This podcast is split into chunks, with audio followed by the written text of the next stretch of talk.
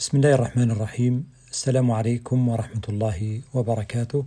ومرحبا بكم في اللقاء الرابع من لقاءات روح الإيمان. هذا اللقاء يحمل عنوان التغير نحو الحب. هكذا يدعون الإيمان إلى أن نكون متغيرين نحو شيء كبير وهدف أقصى وغاية كبرى. ودائما يكون يكون أمام الإنسان مجموعة من التغيرات الكثيرة منها الاختياري ومنها نوع آخر من التغيرات وهو التغير المستجيب للظروف النفسية أو الواقعية. ايا كانت هذه التغيرات فإن أهمها على الإطلاق هو التحول نحو الحب، التحول إلى الحب. ذلك لأن الحب هو أصل الوجود وهو أساس التكوين. وكل التعثرات التي تحصل للإنسان وفي حياته تنبع من ضعف الحب أو من احتجاب الحب وأسراره وأنواره. ليس للحب تعريف منطقي محدد.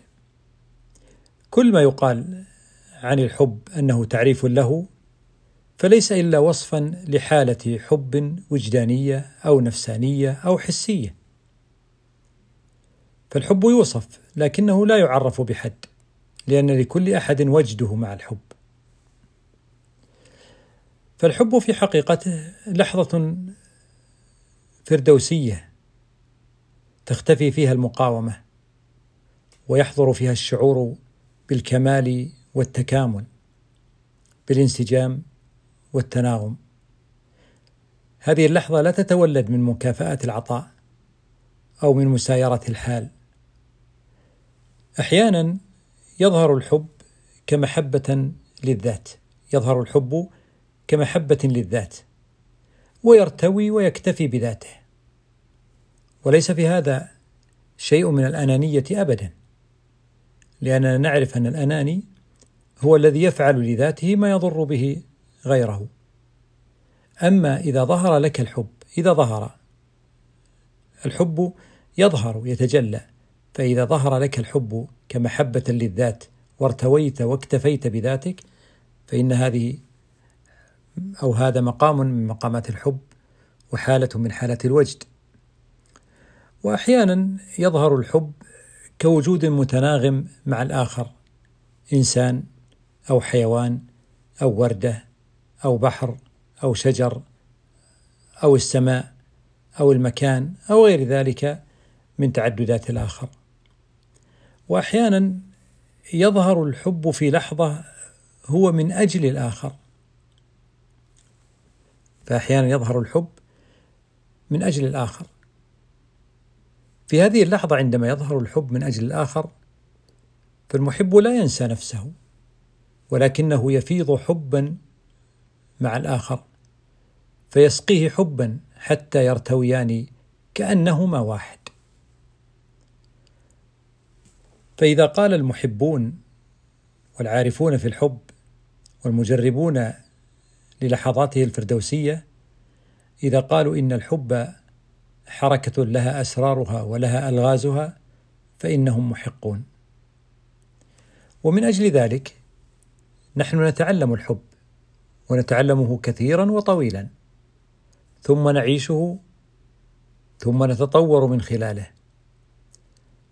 فمساحة الحب مساحة الحب هي المساحة الكبرى وحقوله هي الحقول الواسعة وثمراته هي المتنوعة والمتعددة والمتجددة.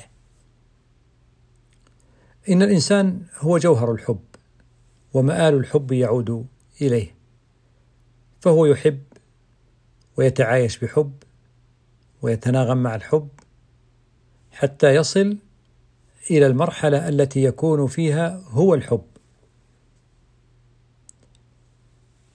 ليس صحيحا أن الإنسان يستمر بأن يكون يحب يحب يحب. ولكنه سوف يصل إلى حالة أو مرحلة أو مقام يكون فيها هو الحب ذاته. فلا يتوفر لديه في هذا المقام وفي هذه المرحلة أي مساحة للكراهية أو مفرداتها لأن الحب يكفي ويشفي.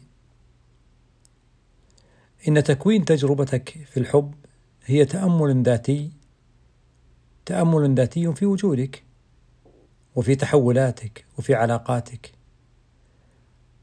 وفي رحيلك الذي لا بد منه أيضا.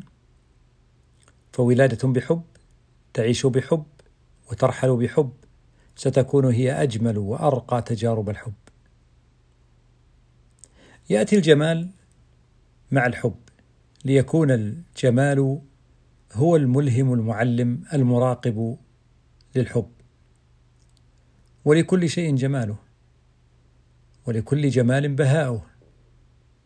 والتجربة الجمالية في اللطف والحس تظهر المكنون وتستوقف السائر ليجد في الإنسان وفي الحياة أضعاف أضعاف أو بلا حدود ما يراه من يفتقد إلى الجمال فهو لا يرى الحب أو لا يرى للحب مكانا ولا وجدانا فتجده يتغنى بالحسرة ويتحدث باليأس وتحركه الخدعة وتتقلب به المخاوف. أما الحب من خلال المحب فهو جمال يرى الجمال ودواء يعالج الخوف وسر يلتقط الحظ وبركة تتسع للتطورات كلها والتغيرات أجمعها إن الشيء دائما رمز لغايته والغاية تنادي وربما تتدخل الغاية الكبرى الجميلة تتدخل من أجل الحدوث ومن أجل الاقتراب. نحن مدعوون حقيقة للتغير نحو الحب والارتقاء في معارجه والسير في أنواره والتداوي بأسراره. وليس صعبا على أحد أن يتعلم الحب ويعيشه لأن هذا أصل التكوين فقط هم الذين يغمضون أعينهم لا يمكن أن يروا المشغولون بالكراهية والأذى المتشوهون في نفسياتهم نتيجة ضغط المفاهيم المغلقة عليهم أو نتيجة المخاوف الواهمة التي هم يعيشونها ويسيرون إليها. أما المحبون فهم في غا فهم في عافية الرضا. المحبون في عافية الرضا يأنسون بفيض الجمال ويؤنسون بمواجيد العطاء فلا ضيق مع الحب لأنه يصنع الاتساع ولا ريبة مع الحب لأنه هو اليقين. وحين نشتاق للحب ونعشق وجوده ونجعله رغبتنا الكبرى فليست البداية أن نحارب الكراهية والجهل وعالم الشر. لأن تلك بداية متعبة منغصة. فالحقيقة أن محاربة الشر ليست إلا هي الاتصال به ولو بحسن نية. إنما البداية الصحيحة أن نحب الحب ونشغل أنفسنا بالحب ونتأمل في الراحة والسلام من أجل السماح للحب في الدخول إلى عالمنا. وعند ذلك سيتكون لدينا الشغف ثم الشوق ثم العشق ثم يصبح العاشق هو المعشوق. الذي تتهادى إليه الأنفس وتتسابق إليه الكائنات. والسر الأعظم أن الحب في قداسته وكماله ليس إلا حظا ربانيا ومقاما عليا. وفي القرآن الكريم وألقيت عليك محبة مني. لتنطلق رغباتنا الكبرى الحب الكبير والجمال الفياض لتحملها النية في عالم الملك وفي عالم الملكوت ليبارك الله رغبتنا وتغيرنا نحو الحب وأن يجعلنا الله من المكرمين. وإلى لقاء قادم بإذن الله تعالى وأنتم في محبة وجمال وسلام. والسلام عليكم ورحمة الله وبركاته.